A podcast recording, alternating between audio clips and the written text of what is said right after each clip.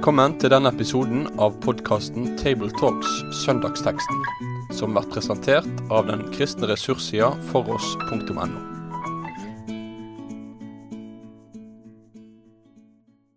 Hjertelig velkommen til en eh, ny episode av podkasten Tabletalks Søndagens tekst, der vi samtaler om eh, kommende søndags prekentekst eh, og ser nærmere på ulike sider ved den. I dag så skal vi samtale om eh, teksten for åttende søndag i treenighetstida. Eh, dette året ble det 26. juli, og vi skal se på Matteus 6, vers 19-24. Og treningstida er, er, jo Nå er vi midt i sommeren, og, og treningstida er på mange måter den hverdagslige fasen av kirkeåret. Det er den perioden av kirkeåret hvor vi ikke feirer fester. Det er ikke noe jul og påske og pinse i treenighetstida, eh, men treenighetstida er hverdagskristendom. Eh, og, vi leser tekster som handler om livet i trua, eh, det å være disippel, det å følge Jesus. Og denne søndagen så ligger vekta nettopp på det med etterfølgelse. Det var helhjerta i etterfølgelsen. Det at en ikke kan ha én fot i hver leir. En kan ikke tjene to herrer. Med meg til å samtale om denne teksten så har jeg Toril Slottsvenn Asp. Og Sverre Bø. Og så er jeg Knut Kåre Kjerkholm. Eh, nå skal Toril få lese denne teksten fra Matteus 6, vers 19-24.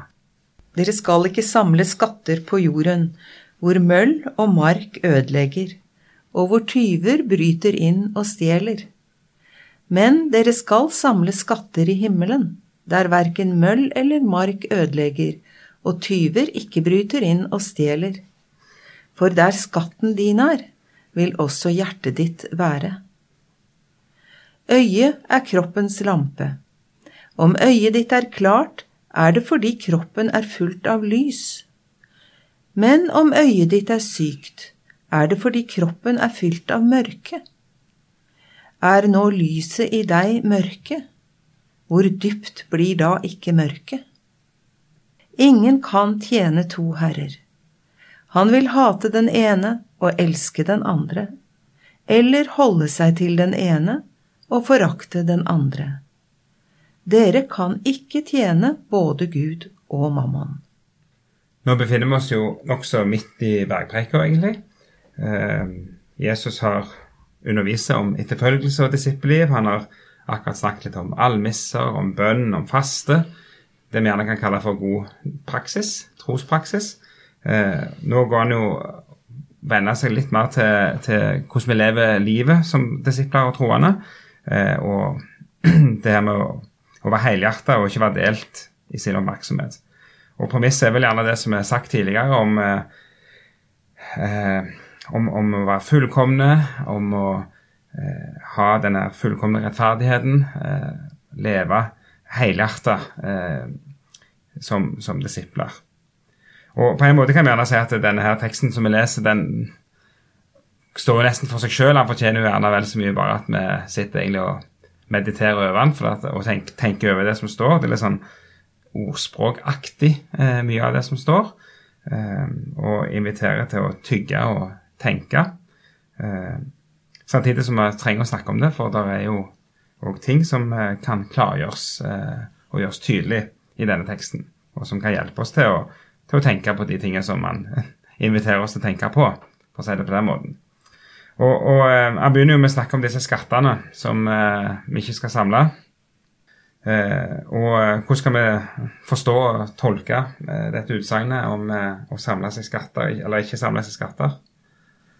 Jeg tenkte litt tilbake til det du sa.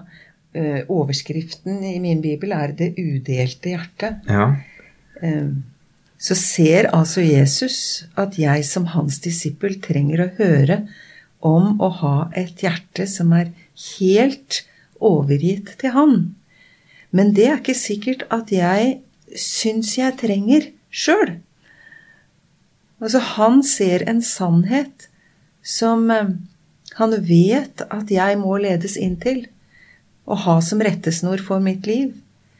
Og jeg kan tro at jeg vet hva som er rett, og at jeg prøver å leve etter det jeg har lært.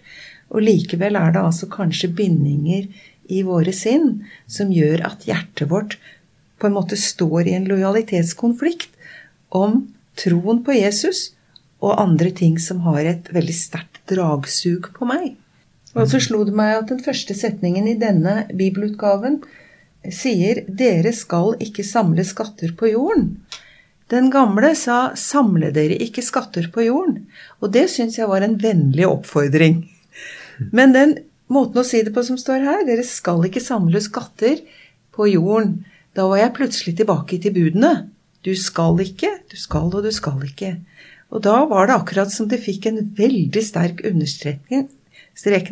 Dette er ikke noe du kan velge, men dette er noe du ikke skal. Jeg har jo alltid lurt på, altså, eller hørt ulike forkynnelser om, om, denne teksten her. og Hva er denne skatten i himmelen, egentlig? Når jeg vokste opp, så var det sjeler du har bidratt til at har kommet til tro. Det er noe annet. Sara, har du tanker om det? Ja, jeg har stusset ved samme uttrykket. Eh, vi finner en annen tekst fra Jesus som snakker om å være rik i Gud. Mm. Her får vi kanskje litt hjelp av kontrasten, da. Å samle seg den type skatter på jorden som rett og slett ikke står seg. Enten fordi møll, rust, tørr tærer, eller fordi noen kommer og stjeler det. Etter mange år som bileier så er ikke tanken så mye lenger enn til bil. Den kan se fin ut når du kjøper den. Jeg kjøper de gjerne 6-8 år gamle, og da ser de fortsatt ganske bra ut. Mm. Men når de er 15 år, så kan du virkelig si her har møll og rust tært. Og den har vært stjålet noen ganger, og kanskje kommet tilbake igjen med noen skrammer og sår. Men det går jo dypere enn akkurat bare på biler. Det er lett å se kontrasten med alt det vi har. Og det er kanskje alt vi har, sier Ole Pause. Mm. Nei, det må ikke det.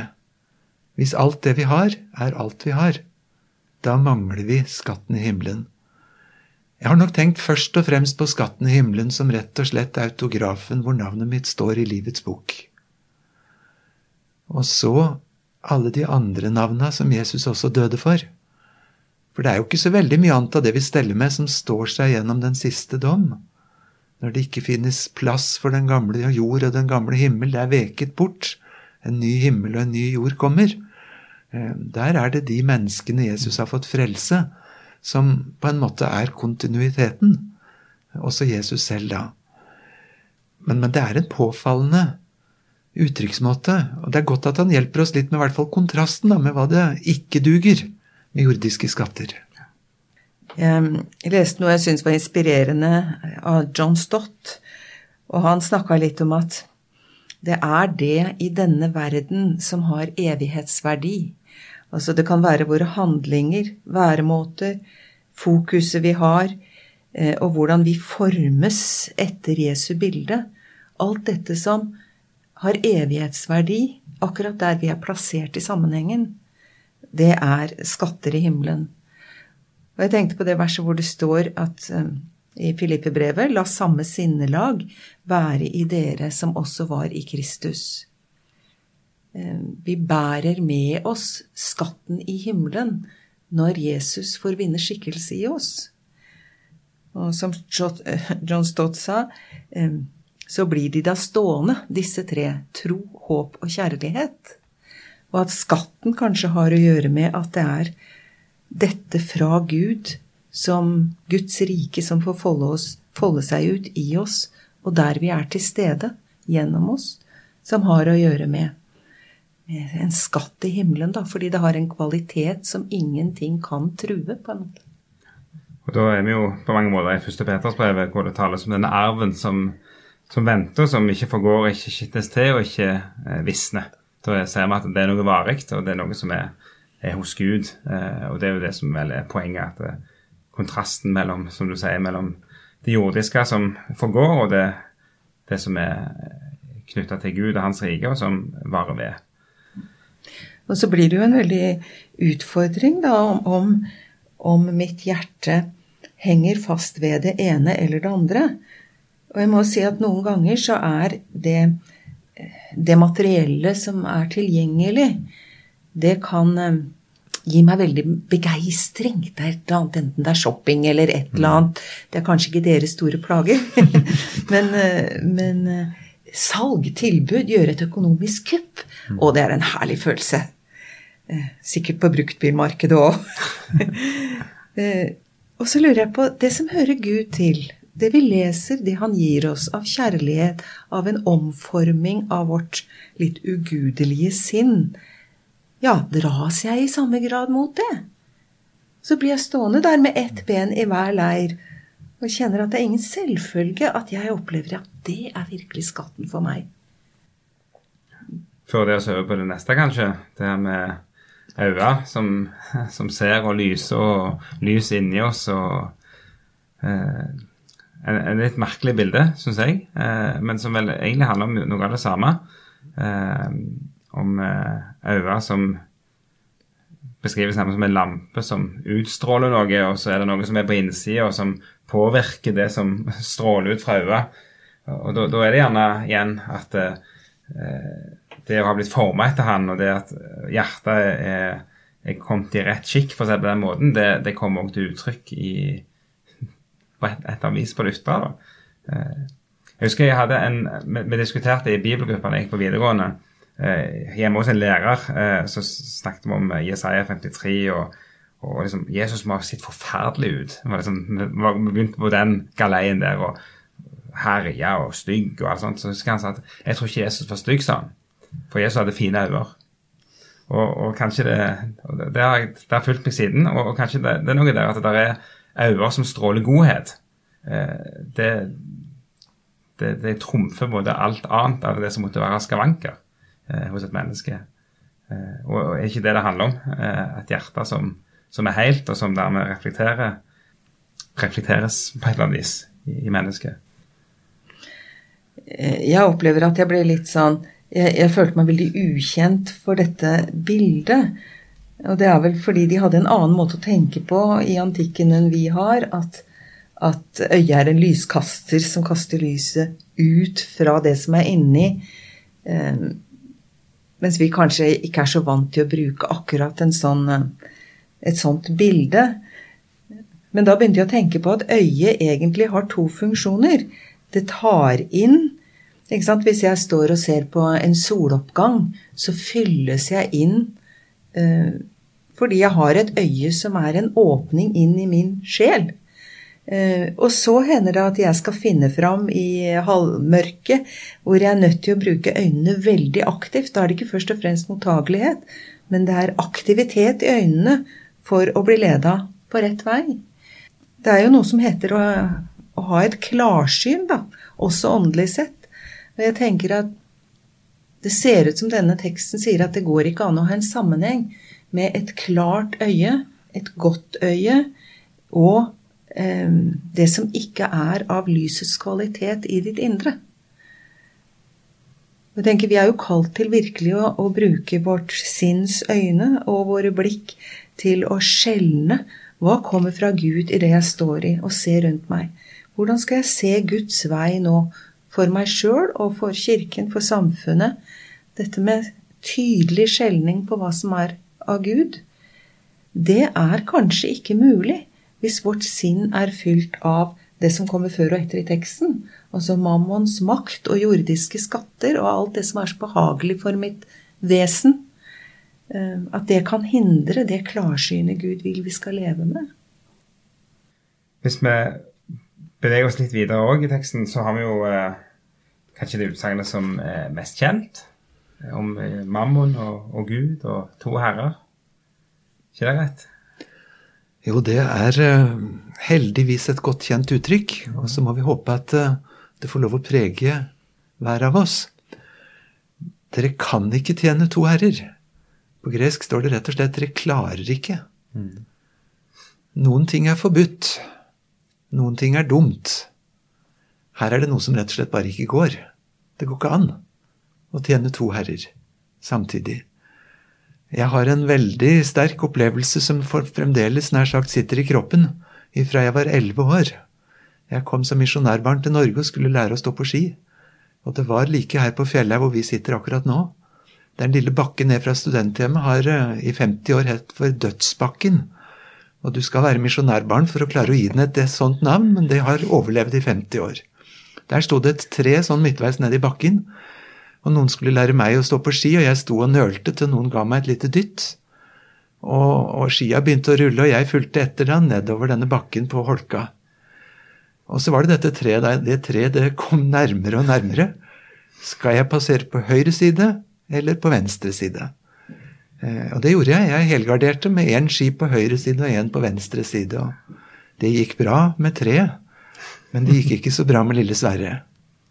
Sverre, du klarer ikke å tjene to herrer. Klarer ikke å passere denne meldestasjonen med helgardering. Mm. Det går ikke an. Det er ikke bare det at du ikke får lov til det, eller at det er uklokt. Men det bare simpelthen går ikke. Og spørsmålet hvilken av de to er det jeg da i realiteten tjener? Er jeg slave for jordiske skatter? Er jeg bundet dit? Eller lever jeg etter det første bud? Eh, og jeg skal ikke ha noen andre guder enn Gud. Og ham skal jeg tjene med alt mitt hjerte, med hele min sjel, med all min kraft og med all min hu. Det er en all in, en 100 %-het. Så det er en veldig utfordrende tekst. Men jeg har godt av å minnes den eh, opplevelsen for snart eh, ja, drøyt 50 år siden. Eh, et nærmøte med det treet som sier 'det går ikke an'. Og det minnes vel òg om at om den humanistiske drømmen om et autonomt menneske som eh, gjør sine egne valg, eh, faktisk ikke fins. Eh, her er det enten-eller. Enten er det Gud, eller så er det noe annet. Det er ingen sånn frihet i, i midten. Ikke en kompromiss her. Så tenker jeg kanskje vi er veldig særlig i vår tid, eh, hvor menneskets egne tanker og egne dragninger og, og sånn er satt veldig i høysetet da, i individualismen, så syns vi jo at kompromiss er noe veldig konstruktivt. Eh, og kanskje vi ikke er så redd for kompromiss når det gjelder det åndelige livet heller. At vi tenker at et, et uh, brukbart kompromiss her Vi kan ikke bli for radikale. Vi vet vi ikke skal ende i den andre grøfta heller. Så det høres egentlig ikke så umulig ut. Uh, jeg syns det hjalp meg litt når jeg fant Lukas 16. For der er jo samme teksten, og da står det jo ordet slave. Altså, jeg kan ikke være slave for to herrer. Og da ble det litt tydeligere for meg, fordi en slave var jo eh, bundet fullstendig opp til den som eide han. Og det var ikke to stykker som kunne eie en slave. Eh, så da skjønte jeg, fordi vi er jo vant til å tenke at eh, minst to arbeidsgivere går det jo an å ha. Vi jobber delt for den ene, og vi, vi er lojale, vi. Så, så, det er ikke så lett for oss, syns jeg, å bli truffet av at dere kan ikke ha. Så da er det vel noe med å forstå at ut fra slavens kår så var det så uh, totalt. Du var eh, din eiers eiendom. Og da kunne ikke du lage noen kompromiss som du syns passa sjøl. Mm, fint poeng. Og, og uh, dette føres jo gjerne inn tenkte på i, i Luthers store katekisme, så sier jo han at eh, det som ditt hjerte henger ved og setter sin lit til, det er din Gud. og da er vi jo på en kort formel egentlig oppsummert mye av det som er, er sagt her, egentlig. At eh, det går an å se hva veien er bøyd, for å si på den måten, og, og uh, kunne si ja, her ser vi hva, hva, vei, hva retning det, det, hele går i. da. Og så kaller jo Jesus noe helt annet. Og det er jo teksten veldig krevende og utfordrende. Og Luther har jo også sagt at det verste vi har, er falske profeter, og deretter, deretter kommer grådigheten. Mm. Og så tenker jeg, Vi er jo så pene og pyntelige, mange av oss, så det virker ikke som vi går rundt og er så grådige. Så kanskje jeg har et bilde av grådighet som noe som ikke har med meg å gjøre. Eh, men kanskje veldig mye i våre fellesskap, i våre liv, er sånn pyntelig grådighet. Mm. Altså det er sånn litt skjult hvor vi har vår hang, og hva, vi, hva våre fristelser er. Kong Salomo som tar med i Salomos ordspråk Gi meg ikke rikdom, og heller ikke armod. La meg ete mitt tilmålte brød, for at jeg ikke skal bli rik og si Hvem er vel Gud? Og ikke bli fattig og stjele og spotte Gud.